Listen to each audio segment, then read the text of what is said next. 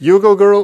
Živijo in zdravo v umetnem čaju, podkastu o medijih, dobrih in slabih praksah, novih tehnologijah in eh, trendih prihodnosti. Gostje v medijih delajo, z njimi živijo, o njih razmišljajo in sploh imajo izkušnjo z terena, v čemer zelo rada eh, poslušava njihove izkušnje. Zaljažem pengovom bitencem, Radio Chaos, aljaž zdravo. Pozdravljena. Uh, jaz pa sem Nataša Briški in sem uh, urednica na Metini listi. Uh, najlepša hvala takoj vodoma res za, za deljenje naših epizod, za uh, podporo v vseh oblikah in tudi za, za komentarje in predloge, ki nam jih pošiljate, za tiste, ki morda imate kakšno idejo. Infoafnametina.si je pravi naslov ali pa naj jo oba zaljažem podsukate za rokav na Twitterju, Afna Pengovski in Afna DC43. Spremljava pa tudi ključnik Metin Čaj. Aljaš, kako si? Kako stvari v luksu? V redu, gre, glej. Um v teh časih smo, ko se ni fair pritožvati, ker čeprav gre nam slabo, gre verjetno drugim še slabše. Da, Kako ste pa statistikami pri vas? A ja, to te zanima. E, ne, čisto na hiter, ja. ja um, nekje vmes, trenutno je tukaj glavna tema preskakovanja vrste pri cepljenju. Ja, ker se uh, veze in poznanstva, ne manjša kot je družba, bolj so veze in poznanstva prihajajo do izraza in so v igri. In, uh, ter, mislim, da se je ravno včeraj en bivši minister za zdravje upravičil, ker je preskočil vrsto. A ti veš, kaj sem pa, sem pa glih zanče razmišljala, ker pač občine v Sloveniji različno velike, ne? različno velik prostora smo imeli za razne sprehode, sploh zdaj, ko so bile omejitve. Pa sem pa, a veš, zelo res premal vemo o Luksemburgu, tako da bom zdaj neumno vprašala, kam se gre tam pri vas na izlete in tako. Koliko imaš tu oh. placa za to? Presenetljivo veliko, glede na to, koliko je država mehna, ker je, ima sicer ene dva do tri, mogoče malo večji urbane center, drugače pa to brka ne pokrajina, ne ta, veš. Mal me na dolensko spominja, te um, grički, ne, Rolling Hills, so nič ni tako res um, v oko bodečega, ne, je pa skozi pa mal gor pa dol, pa skozi so polje, pa gozdički, pa potočki, pa kravice. Da res pa, pa glih ne rabiš, ne, da res ne rabte. Ne, ne, ja, čeprav imajo tudi, um, je bilo presenetljivo okay. veliko snega ja. in imajo tudi uh, svoje, svoj zimski center, ki sicer še nima žičnice, ampak evo. No, kul. Cool. Uh, ja. Moram enkrat prideti na obisk. Tako da, ja, nas je veš, se selili. Vse veš, da imaš uh, vem, odprto vabilo. Ne? In uh, ali jaš tole snema, to je 205. epizoda, snemava pa na dan, ko v Evropskem parlamentu uh, poteka debata o napadu na medije, na polskem, mačarskem in zdaj smo se pa tej uh, dvojci pridružili tudi slovenci in slovenke po zaslugi um, vladajoče elite. Da povzamem. No, ne, to, to je preveč, to sem mogoče ne, preveč rekla. Ne, tako, SDS mislim, in Jan predvsem, predvsem po zaslugi uh, premijeja, ker ja. če ne bi bilo uh, njegovih izpadov na evropskem modru in proti evropskim novinarjem, bi zelo verjetno ta cela stvar ostala kle doma in bi se počas kuhal kot uh, žabe. Zdaj pa temu ni več tako. Mislim, da se temu strokovno reče Streisand effect. Ne, mm, ne vem. Um, skratka, to je danes in to je ta manj za snemanje metinega čaja. In zdaj pozdravljava Ireno Štavdohar, uh, delo. Irena, zdravo. Živijo, živijo. Hej. No, le, poglej, kakšen poseben Kaš, dan, da se snima. Kakšen poseben dan, ja. Irena Fulcova, vesela, da si se nama pridružila. Govorili bomo o tvojem delu na delu, o tvojem spremljanju in pokrivanju kulture, o, um, kje dobiš ideje za tekste, o rubriki, ki je tvoj otročiček, kar pedijem, o knjigi, ki jo pripravljaš in tako dalje. Ampak najprej takoj na začetku, preden boš seveda mogla komentirati tudi te debate o napadih na medije.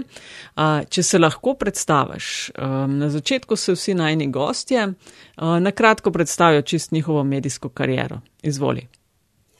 Um, ok, bom začela. Jaz sem v bistvu dramaturg po profesiji. Uh, nisem študirala novinarstvo, ampak že od mehanga sem si na nek način želela biti novinarka. Takoj, ko sem še v osnovni šoli brala uh, intervju uh, Orjane Falači s Homeinijem, ki je bil objavljen v Teleksu. Oh. In tako, to se mi je zdelo, to, to pa bi tudi jaz bila. Uh, ampak no, potem je tako usoda nanesla, da sem se začela zanimati za gledališče uh, in po končani akademiji sem začela pisati za različne medije.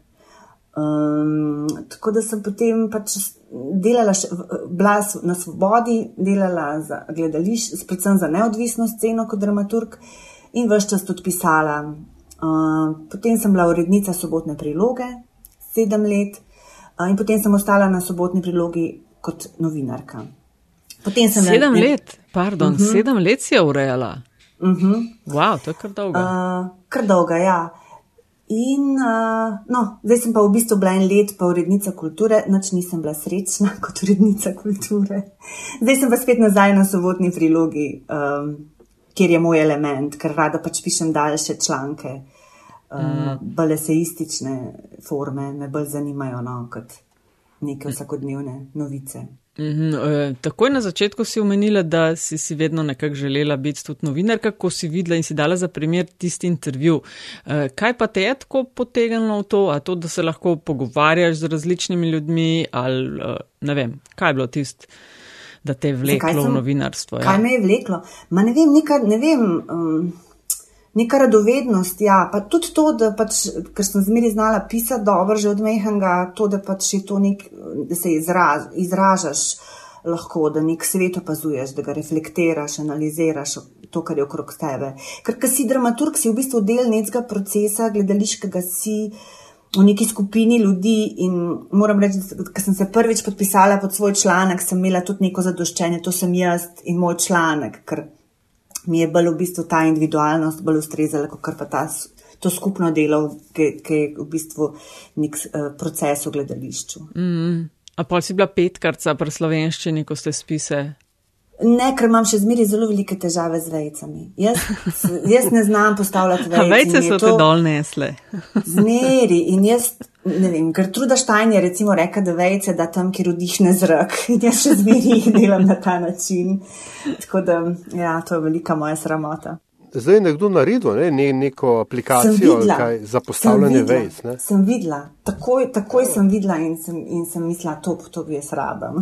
no, evo, vidiš, lahko ja. si zdaj, poskusni zajček. Ja. Grede, um, Irina, um, pač ker se na kaosu silom prilike, če ne drugače, tudi ukvarjamo bolj s kulturnim miljejem, uh -huh. me mhm. seveda ta, ta tvoj upogled zanima. Uh, za strigo sem za očesi, ko si rekla, da si trpela kot urednica kulture, če prav razumem na, na, na ja, časniku ja, samem. Ja, to sem pošteno povedala. Ja. Zakaj? ne vem, zato ker se mi je zdelo, da sem. Da, kot prvič je najbrž kulturna redakcija včasih štela 14 ljudi, zdaj jih pa šteje pet. Kot drugič sem pa, recimo, kot urednica, kulture, eh, kot urednica sobotne, sem bolj uživala, ker me zanimajo tudi zunanja politika, me zanima uh, notranja politika, me zanima, ne vem, tehnologija, uh, bolj teoretično, seveda. Na kulturi se mi je pa zdelo, da, čist, da, čisto meje, da sem čisto omejena, sem na gledališče, pač na te žanre uh, umetniške in da sem nek kretničar, ki deli parcelce novinarjem, hmm. kaj morajo vse napisati. Ni, ni, ni bilo to za me, um, ni, ni to za me. No. Pa sem ugotovila, da to ni za me. ja, Čeprav bilo... me kultura neizmerno zanima. Recimo. Ja, ampak kaj pa je bilo drugače, če sam uh, nadaljujem od tega vprašanja, ki ga je Aljaš zastavil, trpela si kot urednica na kulturi, ne pa kot urednica sobotne priloge? Se pravi, tam se mi zdi, da je več nekih tem, o katerih lahko pišeš. Aha, da, so me, da, so me, da so me zanimale tudi različne teme, no? da me Až, zanimajo še zmeri. Ker pod vprašanjem tukaj seveda je ne, uh, in veliko urednikov ne kulture, ne, se pravi vseh drugih redakcij, bo pogosto reklo, ali se v, na kulturnem področju sploh dogaja toliko, da bi lahko vsak dan uh, recimo e, eno stran, eno stran pa polno polno v, ja. v časniku. Ja, jaz mislim, da se ogromno dogaja. Mi imamo že, če pogledaš festivale, koliko je gledališč, neodvisno gledališče. Recimo, takrat, ko sem jaz začenjala, jaz sem tudi urednica maske, to sem prej pozabila povedati. To je bilo v 90-ih, uh, v, v delu, recimo, ni bilo kritiko neodvisnih predstavah. Ne? Takrat so, mhm. so, so, so bile kritike samo v institucionalnih uh, gledališčih, v predstavah v institucionalnih gledališčih. Noben spoh ni znal na nek način pisati o sodobnem teatru. Zdaj pa vse to obstaja, kar je super. Uh, tako da je, je za napolniti. Zdaj le mogoče urednik uh, kulture ima malo problema. Ne? ker se pa zdaj je pa res, gledališča so zaprta, um, uh, kino je zaprt, tako da zdaj je najbrž kriza na poln strani. Mm. Ampak sem pa veš kaj, ravno včeraj uh, opazila, da ima, mislim, da MGL je nekdo tvitno tako lepo doma, kot ta veš, uh, filmski festival Ljubljanski, da pride predstava k tebi domov. Uh -huh. Tega imajo veliko ja, koncerti. To se je, uh -huh. mislim, se, se mi zdi v redu, no, neka pač zasilna uh -huh. rešitev v tem času. Ja, ja, je tega je kar velik streaminga. Jaz sicer nimam potrpljenja tega gledati, ampak če ni druge, potem tudi moraš. Sem pa jih v Guardianu brala zgodbo, da zdaj v Londonu ogromno gledališč zunaj, v parkih so začeli graditi za polet da Aha. bodo imeli predstave pač, uh, pod milim nebom. Mm. Kar je tudi dobra ideja, ne? pač umetnost res posod najde neko svojo pot. Ja. Najbrž. Ja. Lej, tako kot smo rekli na začetku, ne, danes je ta debata velika v Evropskem parlamentu. Ne, uh, naslednje dni bomo gotovo brali odzive in interpretacije. Dej povej, kako pa ti uh, gledaš na vem, zadnje leto, um, ki je bilo kar polno tega. Ne? Sicer se mi zdi, da na delu niste bili tako napadani, ampak vseen. Kaj pa jaz mislim, na nek način je to, kar se dogaja, grozljivka, na drug način se mi pa zdi, da so tudi mediji, da te mediji, ki so napadani, postanejo skozi to vedno boljši. To je en tak paradoks, da si še bolj kritičen, še bolj analitičen, še bolj znaš reflektirati, še bolj skupaj držiš. Tako da ko kar se sliši grozen in na nek način se mi zdi, da smo novinari ali pa mediji tisti, ki ne popustimo. In to se mi zdi, da je dober. In tudi ta debata je na nek način lahko govorimo, ne vem, se je sramota za Slovenijo in tako naprej, ampak mogoče je pa prav, da se ene stvari, da se vidi, da se reče bobo bobno, da se vidi, kje živimo. Ker se mi zdi, da ta pasivnost, da to, kar tudi ljudje, ker sedijo doma, pa gledajo televizijo, zavijajo z očmi um, da to tudi nikamor ne vodi. No? Tako da mogoče je redo, da se ene stvari premaknejo tudi na ta način. Uh, gled, kot je Nataša rekla, delo v, rečem, v tej rundi ne, obračuna z mediji ni v prvem planu, oziroma vsaj za enkrat, če ne. So posamezni novinari. So, so posamezni novinari, ne, uh mhm, -huh. tako. Ne. A, je pa, hočem reči, je pa bilo ne, kot inštitucija kot vodilni slovenski časnik v preteklosti večkrat eh, tarča organiziranih uh, vodenih napadov, prevzemov in tako dalje. Um, ali je, po tvojem mnenju, čisto osebnem, tokratna situacija drugačna od prejšnjih? Je, mislim, da, da poskušam večkrat um, sugerirati odgovor oziroma, oziroma zapeljati v tisto smer, kjer, kjer, kjer, kjer mi bi se jaz rad pogovarjal se mi zdi, da je tokrat na mesto straha ne, med novinarji in mediji predvsem gnev in jeza. Uh -huh, uh -huh. Ja, se strinjam. Se zato pravim, da, da, um, da, se ta, da, se to, da se te stvari potem obrnejo. No? Če, če res obstaja včasih nek strah, je zdaj ta jeza uh, dobra stvar. Jaz tako vidim. Kako pa. Uh, Tle se mi zdi, da je problem, ja. problem recimo pri časopisih so tudi praktični problemi, ne samo ideološki, recimo kako plasirati zdaj. Večkrat sem pisala recimo o, o, o svojih, zdaj ne bom govorila pač o, politič, o politiki, uh mhm. -huh. ampak čisto o praktičnih temah. Večkrat sem že v kolumnah pisala, recimo iz Ljubljane so popolnoma izginili kioski. Nekaj tako urbanga, kot je kiosk, kjer lahko kupaš časopise. Tega, tega sploh ni več, da le manj jih je. In to se mi zdi zelo velik problem. In tle bi mogli, se mi zdi, tudi lastniki pač medijev, ne, eh, stopiti skupaj in, in mogoče odprti svoje trafike, kjer prodajajo še knjige in tako naprej. To se mi zdi pomemben tudi za. Za vse, da, da ljudje pač berijo in knjige in časopise, in da pridejo sploh lahko do njih, no, v teh časih. Recimo, mm. No, sej, mogoče sam, eh, pač, da nadaljujem, ne, ker um, kultura je um, veliko, kar to slišimo, um, kaj se temu reče, uh, geneza ne, sloven, uh mhm. -huh. slovenskega naroda. In, uh mhm. -huh. in um, kako recimo ti v današnji situaciji, kjer se je v bistvu treba preizpraševati temelje naše družbe in pač, se mi zdi legitimno vprašanje, ne, kot bi rekli včasih stari partizani, ali smo se za to borili. Uh -huh, uh -huh. Kako uh, ti vidiš uh, medije in konkretno tiskane medije in znotraj tiskanih medijev tedenske edicije za daljše tekste, kot recimo je sobotna priloga ali pa druge sobotne priloge drugih časnikov. A, a je to še nek inkubator a, kritične, širše misli, ki ni zgolj reaktivna, ta je rekel to in on, tam se je zgodilo ono? Absolutno, jaz mislim, da je zdaj čas glih za daljše tekste in tudi vidim, da jih tudi ljudje berejo, glede na to, k, k, glede na de, to kar berejo ljudje na delu, pika si so daljši teksti. Ni, ni res, da ljudje na internetu ne berejo esejističnih tekstov, nikakor ne. Ampak vseeno se mi zdi, to, kar sem prej rekel, da morajo ljudje pač prideti, morajo nekje kupiti delo, morajo nekje prideti do, do njega. Uh, se mi pa zdi, ja. Uh, Ne vem, razmišljala sem, ker sem jaz recimo urejala sobotno prilogo, je, je bil to še neko nasledstvo Janka Lorencija, to, da je vsak teden sobotna priloga imela zelo velik političen intervju. Meni so sicer to potem, ko sem to urejala na živce, ampak zdaj pa vidim, da tega recimo sploh ni več. Sploh ni več no, intervjujev s politiki. Politiki imajo tvite, ker jim sploh ni treba več nobenega političnega programa predstavljati, nobenih vsebin. In se mi zdi, da mogoče bi mogli to nazaj uh, v, te, v te sobotne edicije, nazaj nekako politike pripela, da bi bili prisiljeni artikulirati svoje misli, kako vidijo državo in tako naprej. To pa, kar si prej rekel, glede kulture, pa vidimo, da je prav kultura, a ne eh, strani vladajoče eh, elite oziroma vladajoče oblasti najbolj napadena. To se pravi, da ja, kultura je očitno nekaj, kar je uh, nevarno. Bolj kritičnega, ne? kritična misel pa. Ja, vse so bili tudi kulturniki med, uh, se mi zdi, med bolj aktivnimi, ne pa me popravi, če sem o tem, ko gre za, za opozarjanje. Uh -huh. Uh -huh. Tudi uh, recimo demonstracije in tako naprej, to, kar se je dogajalo pred Ministrstvom za kulturo, očitno je zato kultura postala sovražnik številka ena, kar je mm. spet.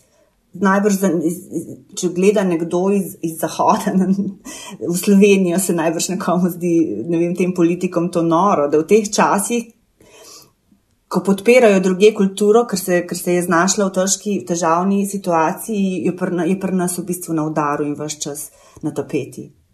Koliko časa ti spremljaš to področje kulture, malo bolj intenzivno? No, se je tudi ostalo v kulturo, koliko? 20 let, kaj tacga? Ja, takoj, ko sem prišla na akademijo, v bistvu. Mm. No, a, lahko podaš mogoče čisto eno tvoje opažanje v vseh teh letih, uh, kaj in koliko se je spremenjal uh, in oženjeno s tem tvojim novinarskim delom? Česa je bilo, a ne vem, ali več ali pa na kakšen način, ne vem, sred 90-ih, pa pol 2000 plus in danes. A opaza, opažaš kakšne razlike? Ne? A v zvezi z novinarstvom? Um, z, v zvezi z pokrivanjem kulture, ja. Vse tako, kot sem že rekla, da se v bistvu neka sodobna umetnost v 90-ih recimo ni pokrivala. Pri nas bi sodobno umetnost nareš nekam stlačil na metel. Če bi se Picasso pri nas rodil, jaz zmeri rečem, bi ga na metelkovo stlačil in bi tam revaš, nikoli ne bi ratov klasika. No. Pri nas tudi sodobno umetnost zmeri hočemo nekam skriti. Um, tudi spomnimo se na Kosovele, njegovi integrali so išli šele toliko let po nastanku, zato ker so bili preveč sodobni. Um, tako da To se mi zdi, da se je spremenilo, da je neka scena v 90-ih, recimo z področja sodobnega gledališča, da se je vzpostavila in takrat so, so bile tle zelo dobre predstave od, ne vem, Beton Tancov, Tomaža Štrucla, Dragana Živadinova. To je bil res zelo velik fenomen kulturološki. Takrat v Evropi, recimo Belgici so imeli zelo močno sodobno sceno, ampak danes imajo oni ogromen sodobnih gledališč, kjer, te, kjer so te umetniki postali klasiki in prihajajo mladi umetniki, ki imajo te klasike že dosti in delajo čisto svoje teme. Pri nas pa teh evolucij v bistvu ni. Ne? Uh, ni nekih um, sodobnih inštitucij, kjer bi um, se te ljudje, uh, pač te ljudje zdaj ustvarjali in bi mlajše generacije lahko delale nekje druge. Tako da se mi zdi, neka sodobna scena je zdaj kar v veliki krizi in na nek način malo zatono. Žal, glede na to, kakšna energija je bila nekoč. No, pa, se, mi zdi, da, se mi zdi, da zdaj ljudje, ki so na akademiji za gledališče, si želijo v dramo iti. V mojih časih so bili redki, smo si želeli, ne vem, sodoben teater, nekaj delati, ne, ne vem, v neki kleti, v neki garaži. Res, zdaj pa obratno. Ja, se mi zdi, da ima obratno. Ali ja, sem se te prekinila? Ja, ne, ne, ker izvoli. Izvom... Ma veš kaj, hotla sem sam nekako naprej nadaljevati, ko govoriš o sodobni umetnosti, me to propelje seveda do mlade leve uh -huh. in um, tudi tvoje ljube prijateljice najne, no, uh, ja. nedavno preminule Nevenke Kuprivšek, uh -huh. ki je bila kapo di banda mladih levov in, in kupice. In tudi sodobne drugih, scene tle. Ja. Tak, uh -huh. ja, in kupice drugih stvari. Um, sej, ne vem, kaj bi klele vprašala, ampak sem doživljam tudi sama, no, se mi zdi, da vidim en, en, eno veliko lukno, ki jo za sabo puščano. Ma ja ne vem, kaj je bila res, tudi jaz jaz vedno bolj pogrešam in se mi zdi, da če sem poznala kakšnega človeka, ki je imel to, da je bila pa res ne vem, kaj. Ne sem, da se je ukvarjala recimo z teatrom kot takim, da je bila producent, ampak je tudi zaslužna za ogromno nekih prostorov, ki so tle v Ljubljani, zdaj delujejo kot gledališče od stare elektrarne do španskih borcev, kina Šiške, recimo ona je delala neko raziskavo, ki je vse v Ljubljani bi lahko bilo sodobno gledališče, do drugih stvari, recimo zdaj en mesec nazaj je napisala zelo, ne en mesec, dva meseca nazaj je napisala uh, en zelo, zelo odmeven tekst o rogu, Ja, uh, ja, točno. Res se mi zdi, da je najbolj relevanten tekst, ki je bil napisan um, ob tej grozni stvari, ki se je zgodila, te, ko so pač podarili rok. Ona je pač v svojem pismu napisala, kako lahko neko mesto, najbolj vitalen um, del mesta, najbolj solidarnostni del mesta na ta način čez noč podre, ne da bi poiskal tem ljudem drug prostor. V bistvu je poudarila to, kar se mi zdi res pomembno, da je bil to edini prostor, ki se je dejansko ukvarjal in z begunci v Ljubljani, z, s tem, eh, kaj delajo, um, pa tudi z drugimi marginalnimi skupinami. In to čez noč zapret uh, je res katastrofa. Tako da njena in tudi to, kar sem napisala v nekrologu ja. v sobotni, ona, ki mi je rekla, da bo vse postila in bo šla med aktiviste, sem jaz rekla mater, ona bo res, res bo šla, šla pa med drogovce zdaj. Mogoče bom šla tudi jaz, tako no. To je bila njena, no, vse to. Se vedve, vedve sta skup so ustvarjali nekaj časa mlade leve, ne? Ja, mi smo, bilo je neko obdobje, ko smo se spoznale, um, mi, mi smo se poznale že prej, ker je bila ona v gleju, ampak enkrat je ona pač končala s tem glejem, šla stran, jaz sem končala z masko in uh, sva se dobile na eni večeri in so potem zasnovale festival To je njena, ja. Pri njeni mi je bilo zmeri fajn to, da kar si ideje trosu, je ona vse uresničila. Tako da si se mogel včasih kar malo nazaj držati, ker za njo noč ni bil problem. Tudi, ko smo delali recimo otvoritvene predstave za mlade leve, smo imeli, ne vem, Station House Opera predstavo, ko smo, smo v bistvu domine po celi Ljubljani zgradili ne vem, koliko kilometrov dolge, dolgi bloki kamniti so bili, ki so se podirali. Uh, mislim, da je ne vem, koliko časa, ne 20 minut in so ljudje hodili zraven teh blokov, mislim, res totalno doživetje. Tako da vsako, vsako otvoritev je bila posebna. In to glih zaradi nje, ker je za njo se, njej se je zdelo vse mogoče. No, evo, in to je točka, ne, um, kjer v sem jo hotel tudi jaz odpreti, pa sta zelo lepo pripeljali do nje. Ne? ne, ne, ne, ne, super je, super je, ker mi še bolj uh, paše. Ne, uh, se mi zdi, um, da je problem, mislim, problem. Ena od lastnosti, ne, ki mogoče, uh, Irena, se navezuje tudi na uh, to tvoje opažanje o tem, kako so stvari, ne, so sodobni teater 90 in tako dalje, kako je pač to zamrl, je, da je, da je v Sloveniji vse to preveč odvisno od posameznikov, ne? od, od uh -huh. um, navdiha, uh -huh. genija, kakorkoli uh -huh. neke trenutne osebe, in pa ne, tudi od, um, da rečem, čist veze, prijateljstva, odnosa, ki jo ta oseba ali pa ta skupina ima za neko točno določeno generacijo ljudi v medijih, v kulturnih redakcijah, ki rečejo, to je pomembno, uh -huh, o tem uh -huh. se bo pisalo. Uh -huh. Uh -huh. um, zakaj je temu tako? Ali, Ma, uh, nima, uh, ja, okay, zakaj je temu tako? Vprašaj, izvoli.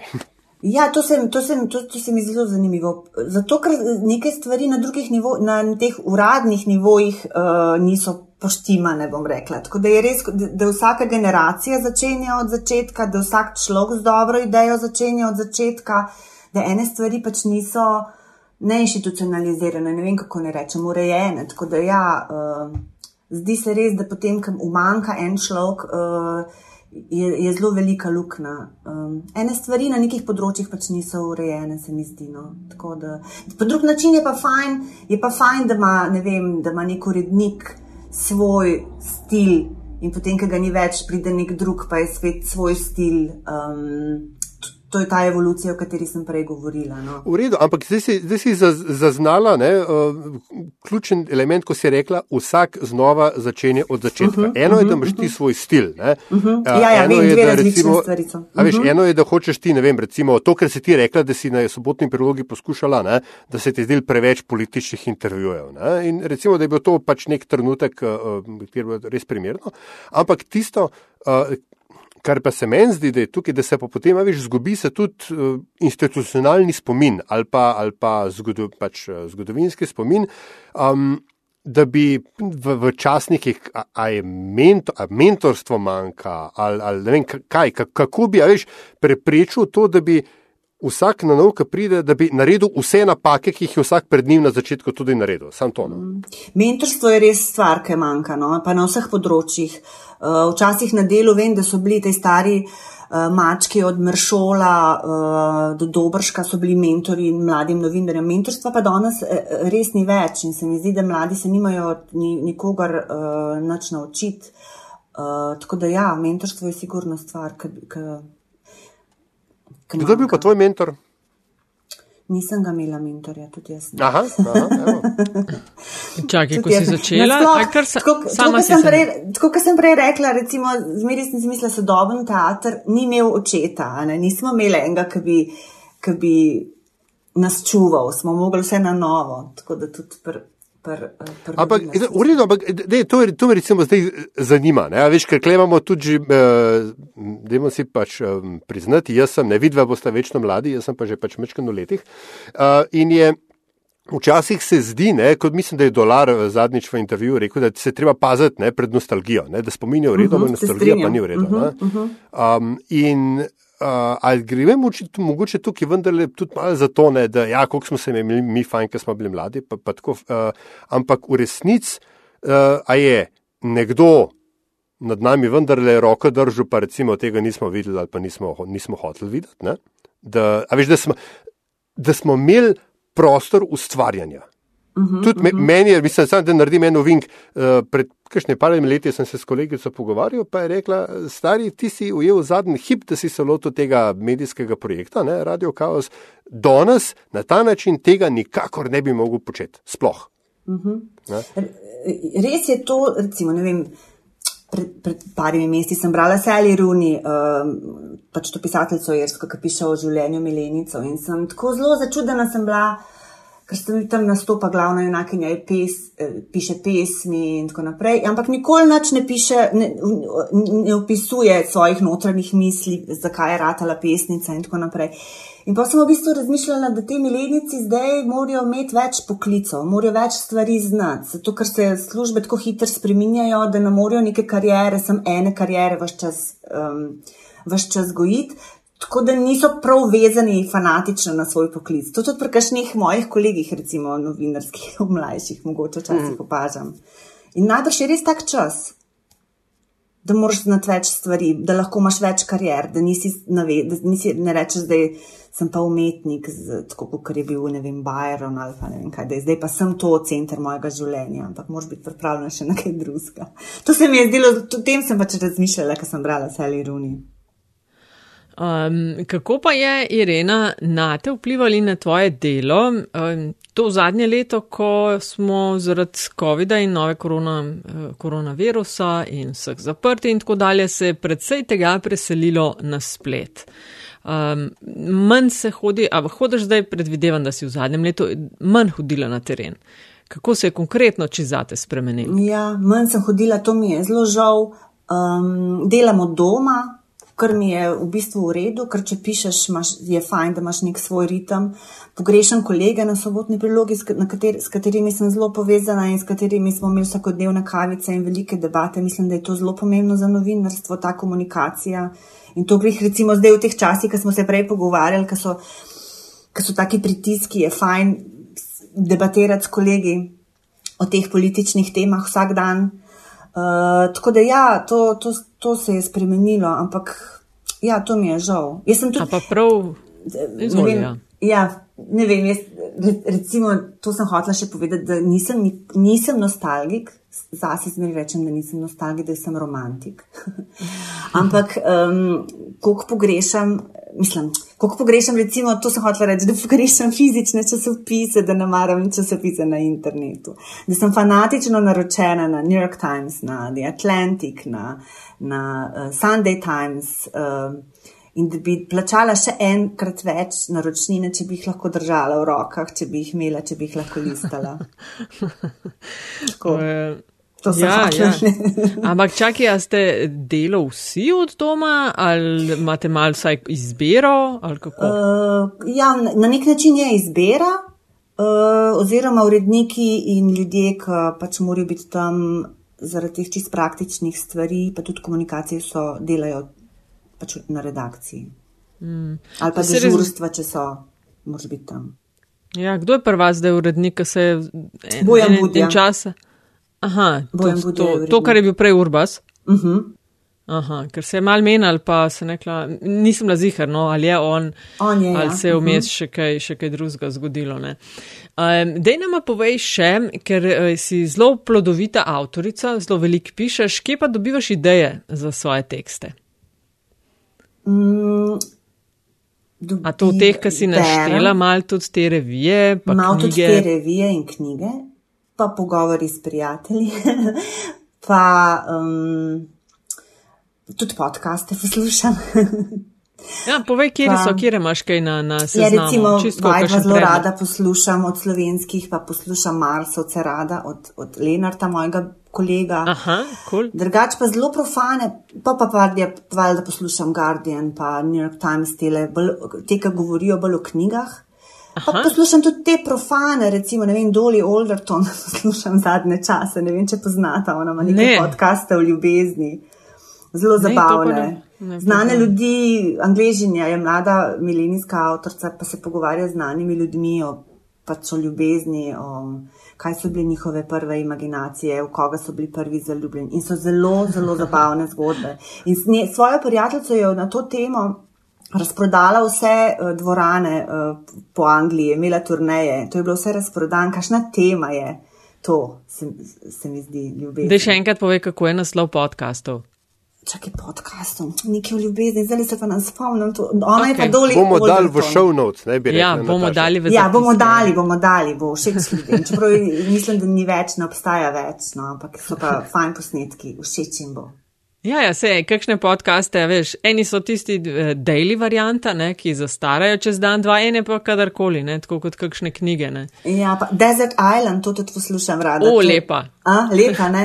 Ja, ja, lepa. Kjer ti je bil, kakšen ti je bil kaj posebej všeč? No, za tiste, ki ne poznate tega podcasta, uh, pač voditeljca povabi vsak teden pred mikrofon različne ljudi in jih potem zaslišuje, kaj bi vzeli, malo se pogovarjajo o njih in potem, kaj bi vzeli seboj na samotni otok, kjer o knjigo, kjer a podcast, ne.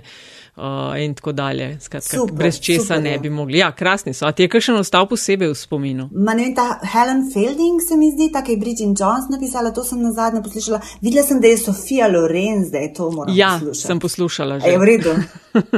Um, ma veš kaj, njo je vedno v redu, malo Ja. slišati. ne. Sej. Drugače pa tudi te moth imam rada, ki so zgodbe. Mm. Veš kaj, Včasih sem hodila na fitness in jaz na fitnessu najbolj obožujem veslanje. Ker potem tam zmeri razmišljam, koliko, so člove, koliko, koliko v zgodovini človeštva so ljudje mogli v bistvu veslati. Da imamo nek gen za veslanje. no, in In na kjer zmeri- otok veslaš, Irena, ko Ja, se na usedeš na, katerega, povej, na, na greš? unije, na unije veslam, pa včasih čez Rokavski preliv, pa včasih tudi čez po Tržaškem zalivu. In pol vse čas poslušam um, podcaste, ki veslam. A, a si ena tistih rekla si, da si v šoli imela rada pisala, ampak da so te vejce mal dol nesle? Uh, a si ena tistih, ki hiter piše? Ene kolege sva zalažem jih že marsikoga gostila, kolege in kolegice, enim gre to zelo hiter od rok, uh, enim mal manj. Kje si ti? Jaz sem, jaz v bistvu zelo hitro pišem, zelo glasno tipkam. To je ne vem, kako priuša, ker smo se prej o njej pogovarjali. Ona ni mogla verjeti, ker ona me, ker smo še v pisarni delali takrat na začetku mladih live, ona me je slišala čez okno, ker sem jaz tako na glas tipkala. In zato mi tudi vse črke zginejo, ona. še posebej samo glasniki na tipkovnici, imam zmeri nalepke gor, ker zgleda, da tako, nasi, tako to pa mogo, mogoče še od pisalnega stroja. Ampak še pisala tekste na pisalni stroj? Ja. Sem, sem. In, zelo, in še zdaj zelo, ali pa ne vem, nek tak temperament manj, ki pišem, da zelo noter padam. Ampak drugače pa mečkam in sem zelo deadlinerska. Recimo, uh, zadnji trenutek, moram biti čist pod stresom, da naredim dobro stvar. Če jo naredim prej, pa jo preberem, se mi zdi čist dolgočasna. Mislim, a obstaja kakšen, a obstaja kakšen drug način za pisanje tekstov? Točno. Ne, ne.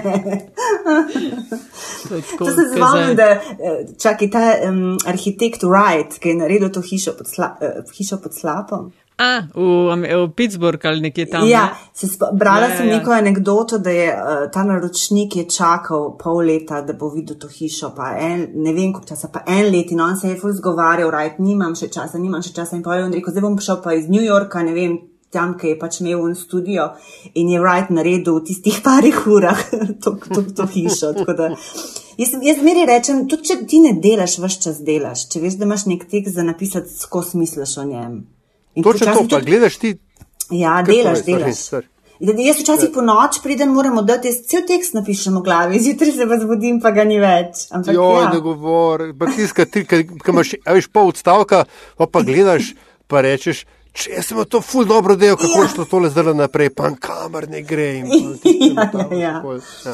Douglas Adams je dobro rekel ne, o, o, o, o rokih, ne, pač že, da obožuje roke, ne, da obožuje zvok, ki ga naredijo, ko letijo mimo tebe. Ja, ja, ta je tako lepa. Veš, da imam tole napisan tlele nad, nad, nad, nad, nad, nad računalnikom. Ja, i...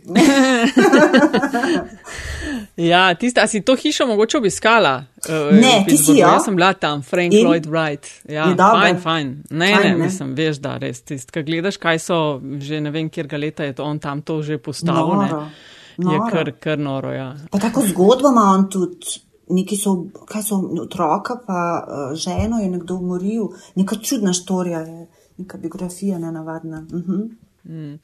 Um, no, ok, se pravi, med COVID-om si pač primorana, tako kot veliko nas, nekako delati od doma. Povedala se, kje dobiš ideje za tekste. Predvidevam, da so pol, da je pol ta krok, s katerim se družiš, kar bereš, uh, pol nekako tudi. Um, Povezava do tega, kako pa dobiš te globalne frajerje in frajerke pred mikrofon. Kakšna je tvoja taktika? Ok, veze in poznanstva, verjetno eno, ne? A imaš še kakšen recept, kako dobiti te res zveneča imena ali pa taka najbolj slavna iz kje? Ti si jih kar nekaj imela, ne? Imela sem jih zelo, kar nekaj, ampak ne pa to, kar recimo moje kolegice Vesni, Vesna Milek ali pa Patricija Maličev. Jaz v bistvu sem bele se jist, sem mogoče preveč neurotična za intervjuje. Ampak nekaj sem jih pa imela, no. Um, In tako zelo na različne načine sem prišla do njih. Recimo, ne vem, bila sem tudi na kakšnem festivalu, vem, da sem enkrat na Edinburškem festivalu in um, sem tam spoznala neko, sem zbrala prej knjigo o Eleonori Marx, ki je bila zelo dobra, to je hčerka bila od Karla Marksa, najstarejša, zelo posebna punca. In sem tam slučajno srečala to um, avtorico te knjige in sem kar tako čez, čez pet minut smo imeli že intervju, ne, da bi se pripravljali. Tako kar nekaj je bilo takih naključnih srečen, ker sem kar šla takoj v akcijo potem. Uh, in so bili zelo dobri intervjuji. Drugače pa veliko, če, če delam pač intervjuje s pisatelji, um, je treba najprej priti do njih, do njih pa prideš tako, da prek založnikov, fajn je, če, ja. če je v slovenščini knjiga in potem založniki v bistvu pomagajo, da prideš do njih. No. Ali pa če so mhm. tle kakšni festivali, fabula in tako, pa pač tudi prideš do njih, ko pridejo sem. Eh, večje, večje težave imajo najbrž te, ki hočejo do zvezdnikov prideti, ampak tudi Vesna, recimo, jih je ogromno naredila na Sarajevskem filmskem festivalu in tako, ampak tudi moraš imeti neke veze, da prideš zraven. Da, ja. to, sem, to sem te v bistvu vprašala, zato da, da me nekako pripelje do rubrike Carpe Diem, ki jo imate v delu koliko let zdaj že. Ja, ne vem, je zdaj že ene dve leti ali mogoče. Nekaj takšnega. Ne? In to, si, to je tvoj otroček, ne? to je bila tvoja ideja. Dej povej, kako se je to rodilo. Ja, v bistvu je bila ideja od Uroša Urbasa, prejšnjega urednika. On je imel idejo, on ima zelo rad, je imel zelo rad te uh, Financial Times lunch with uh, fi, ah, Financial yes. Times. In to je res, jaz imam celo dve knjige iz tam, ki so zelo fajn zgodbe to. Ampak pa se je meni zdelo, da to ne vem, ne morem prekopirati. Ne? Uh mhm. -huh. In pa se mi je zdelo, zakaj pa ne bi imeli v bistvu neke pogovore z ljudmi, ki so zaljubljeni v svoje delo, fanatični, ki imajo radi to, kar delajo, pa bi bili neke vrste portreti. Uh, potem Vesna Milek se je izmislila na naslov rubrike.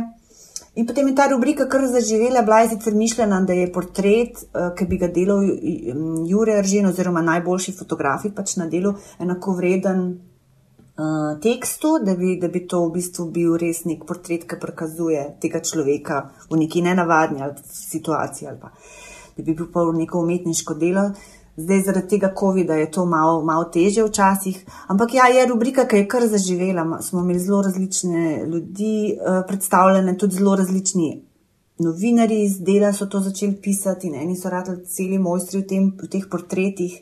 In prav uh, tudi jaz, kadar imam, kadar pišem, pač kar fedijem, zelo uživam v tem, ker ni klasičen intervju to, ampak lahko tudi neke svoje misli daš noter. Um, Da, ja. Sem pa videla, to se mi zdi zanimivo, ne vem, Nataša. Mogoče boš ti bolj vedela, ampak vidim, da v tujih časopisih so se, začne, so se začeli vračati klasični intervjuji, ki jih prej tudi ni bilo. Recimo Guardian ima neki intervju, New, York, New Yorker ima zadnje čase neke klasične intervjuje, ki so včasih imeli tudi samo eseje oziroma portrete.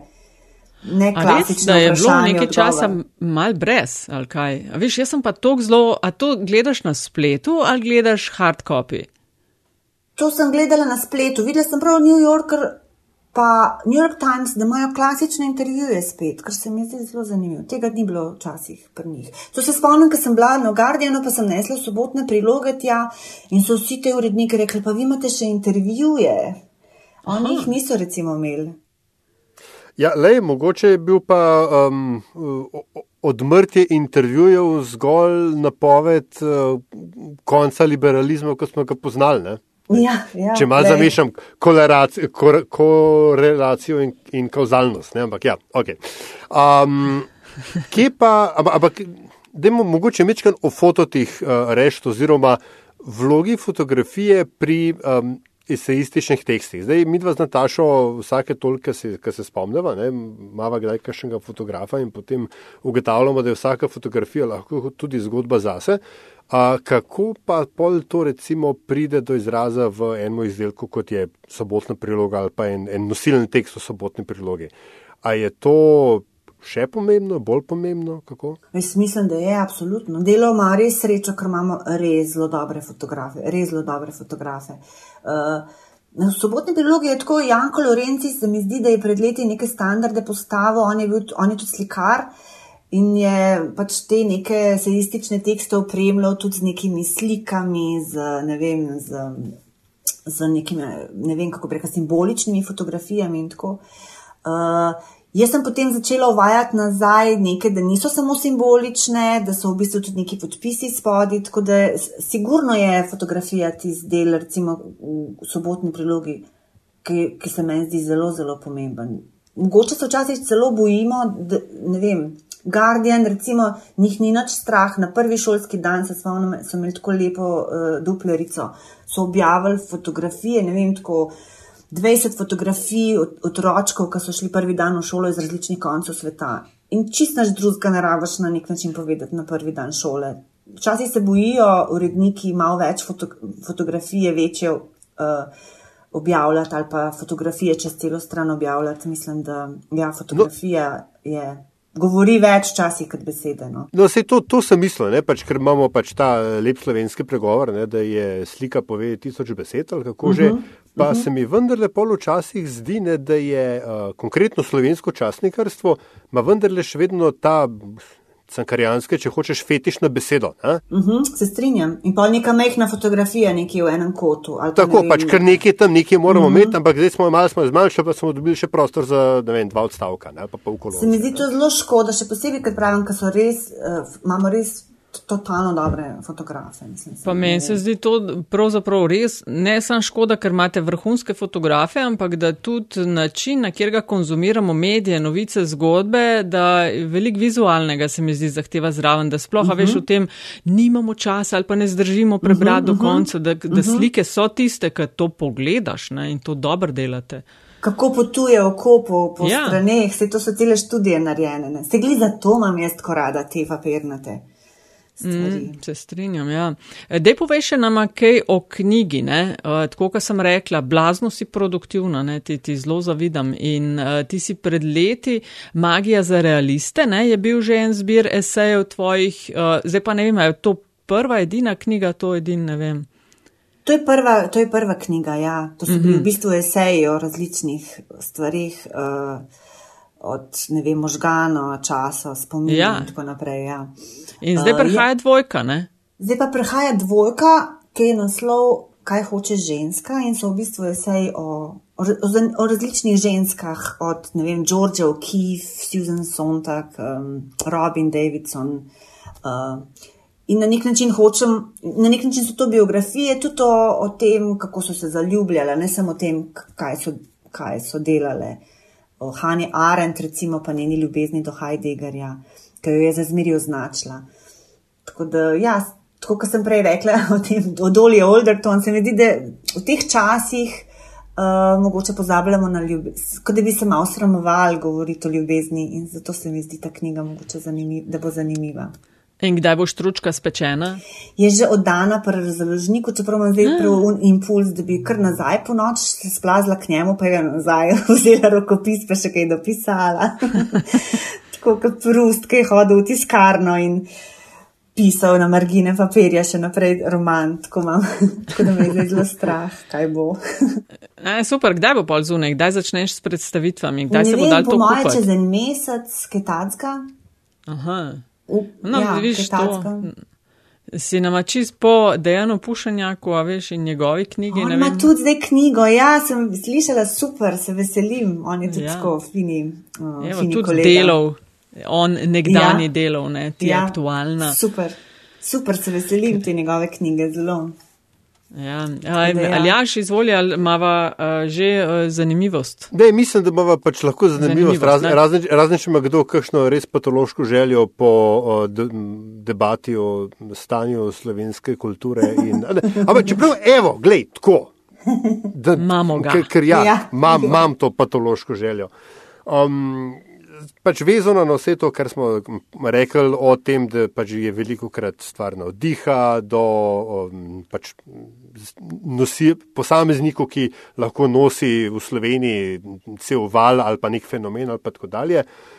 A je med uh, novinarji in kulturniki, eh, se pravi, ustvarjalci v kulturi, ob, ali obstaja kakšen nezdrav, bodi si incestuozen, bodi si, mislim, v narekovajih, seveda, ne, a, ali pa um, več zamerljiv odnos, ki lahko vpliva, predvsem v tem primeru, na um, novinarjevo objektivno poročanje, okolikor lahko pač o objektivnosti govorimo, ko poročamo o kulturi. A misliš, če se kakšen kritik zamer uh, ustvarjalcem?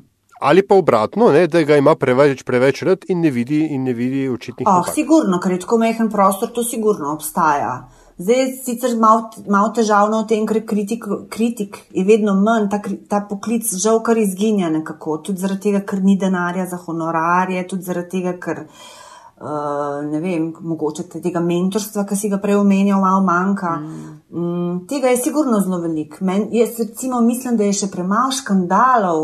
Včasih so bili škandali, ne vem, živo Dino je polil Marka Crnkoviča, um, Damir Zlatar Frej je, je ven vrgu iz predstave Simona Karduma. Jaz pogrešam te škandale. Vinči Vovk je skloptov ja, ministra. Tako, to so, to so kultura, mora imeti škandale. Zdaj pa imajo škandale, ne vem, Kim Kardashian si je kupila ne vem, kakšen avion, to je zdaj škandal, kaj si kupaš, ne pa, da nekaj ušpičeš, ne Tako da to ja. manjka, še več škandalov v kulturi, bom jaz rekla, še več prepirov med kritiki in umetniki. To ni nikoli, to ni nikoli, nadrealisti so imeli zelo prav, to, tega ni nikoli dosti. Ampak a, a, je to, a je to odraz uh, časa, v katerem živimo? Pač, ja, jaz mislim, mislim da, je odraz, ja. da, je, da je odraz časa, da je malo dolgočasen. Pa se spet nočem biti nostalgična, ampak da, ja, ja. Ja, da bi mogoče. Ne, ne, mislil, mislil sem bolj v tem ja. smislu, veš, da don, danes se pač uh, kultura ali pa kulturne intervencije, ne, s takim lepim uh, sodobnim izrazom, se imajo, imajo neko politično konotacijo zaradi zadnjega ja. leta, ne, recimo. Ja, ne, ja, ja, ja. Tudi tud, glede politič, politike bi moglo biti še več teh škandalov zato pa so umetniki, zato pa mogoče so jih, jih je ta vladajoča struktura tako zasovražila, ker tudi nicega smisla za humor nima. Um, Ja, ja ej, to je ja, smisel za humor, pa res nima. A, a, in še, še, še zadnja stvar, preden gremo, sicer ti ko, in stvarmi, katerimi se ukvarjaš, verjetno nisi tako izpostavljena na temo, ne? ampak um, znana anekdota, ki jo vedno rad uh, ponovim, ko je Ana Netrebko, uh, ko je bil napovedan koncert uh, Ana Netrebko uh, v Slovenski filharmoniji, je Slovenija naenkrat dobila 1800 kulturnih novinarjev. Ne? Takratni šef filharmonije je rekel, da je dobil tok zahtev za, za akreditacije. Ja, ja, ja. A, a je to tudi mal tako, ta nezdrav del tega posla? Je, je, je nezdrav del tega posla. Pa tudi, ker so recimo uvedli to, da novinari morajo plačati en evro za vstopence, je bil cel škandal, meni se, men se to ne zdi v redu. Eh, če, če ti kupaš, ne vem, če ti plačaš. Vem, mislim, to, je, to je to problem v Sloveniji, neka avtorsko delo, zgleda, da je neka materizem, da vsakmu pripada, no, če gremo še bolj nazaj. Mm recimo, ne vem, tudi podcasti so, so druge, um, se plačujejo, ali pa ne vem, tudi v Angliji greš recimo na predstavitev knjige v, v, v Folsa in pač plačaš 5 funtov, noč tacka. Uh, Se zdi to tam vsem normalen, pri nas, pri nas se pa zdi, da neke kulturne dobrine, sicer je fajn, da so vsem dostopne in vsem pripadajo, ampak da Ja, ja, ampak drevesu, točno to, tega dela se ne ceni. To mogoče še malo iz unih prejšnjih časov. Veš, ja, ne, noben ja. ne pomisli, da bi na dogodkih uh, električarja ne bomo plačali, ne vem, čistilca ne bomo plačali, ne glasbenika pa, da si ti v štomin grede, pa da je za narod in te da. In To ima Cankar, Cankar, Ivan Cankar ima med svojimi eseji zelo, zelo dober tekst na to temo. Odličen, za stonkar je naslov, točno o tem piše. Uh -huh, uh -huh.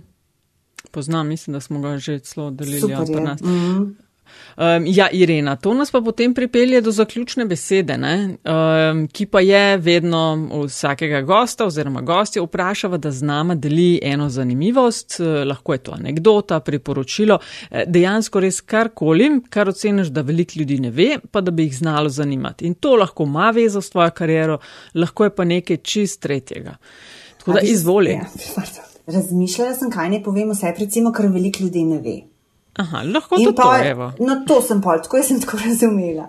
No, in pa sem razmišljala, da najbrž veliko ljudi ne ve, da sem jaz pa z eno srpsko scenaristko, uh, eno najboljših, da sem napisala uh, prvi, prvi del, samo prvo, prv, prvo sezono. Uh, Reke ljubezni, to se pravi, sapunice slovenske za. Oh. Tako da sem avtorica, so avtorica um, kako bi rekla, žajfnice.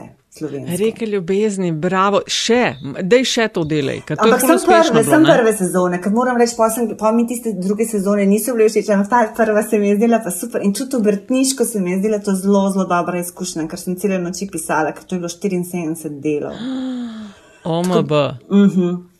Pa še sprot se je mogel pisati, ker so snemali tudi sprot. Tako da scenariji so recimo tudi nekaj, kar me zelo zanima. In tudi pred leti sem napisala, mislim, vse ni tako dolg nazaj, nek scenarij, partizansko kriminalko, ki je celo bil podprt scenarij na filmskem skladu.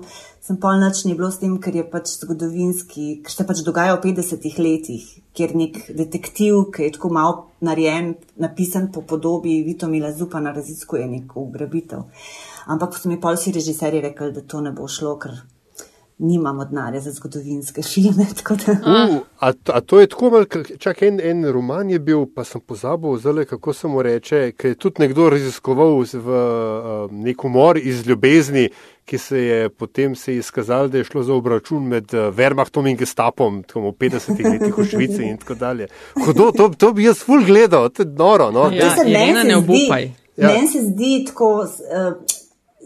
Večkrat sem tako že razmišljala, da je sprava slovenska. Ne? Jaz mislim, da bi sprava slovenska se lahko zgodila samo, če bi mi posneli en totalno dober, ampak res dober film, v katerem bi bila glavna junaka Kajuh in Balantič, to se pravi dva mlada fanta, nadarjena na dveh napačnih, mislim, vsak na svoji strani, bom rekla tako. In, in kaj, to se mi zdi, da če bi bilo dobro napisan, dobro posnet, da bi to bila lahko slovenska sprava, da film Ba, bi lahko spravil. Več tega, mi res pol. Ful mal in nič nimamo skoraj teh zgodovinskih filmov. Ne. Vse se, mislim, po mojem bi se pa to ful gledali, po mojem pa to folk ful hoče. Tako da veš, koliko je bilo že filmov v zgodovini človeštva, ki so znalci rekli, ne, ne, ne, to se ne splača, to na ogledali pa so bili pa uspešnice. Tako da, Irena, ne daj se. Ne daj se. Zmenjeno. um, Irena, ful, hvala, da si bila gostja metinega čaja. Uh, strašno fajn je klepetati s tabo in ti obati želiva tako veliko uspeha pri uh, dnevnem početju in dnevnem delu, ki ga ustvarjaš in uh, vse dobro knjigi na pot. Hvala vam, zelo je bilo lepo, res super sem se imela.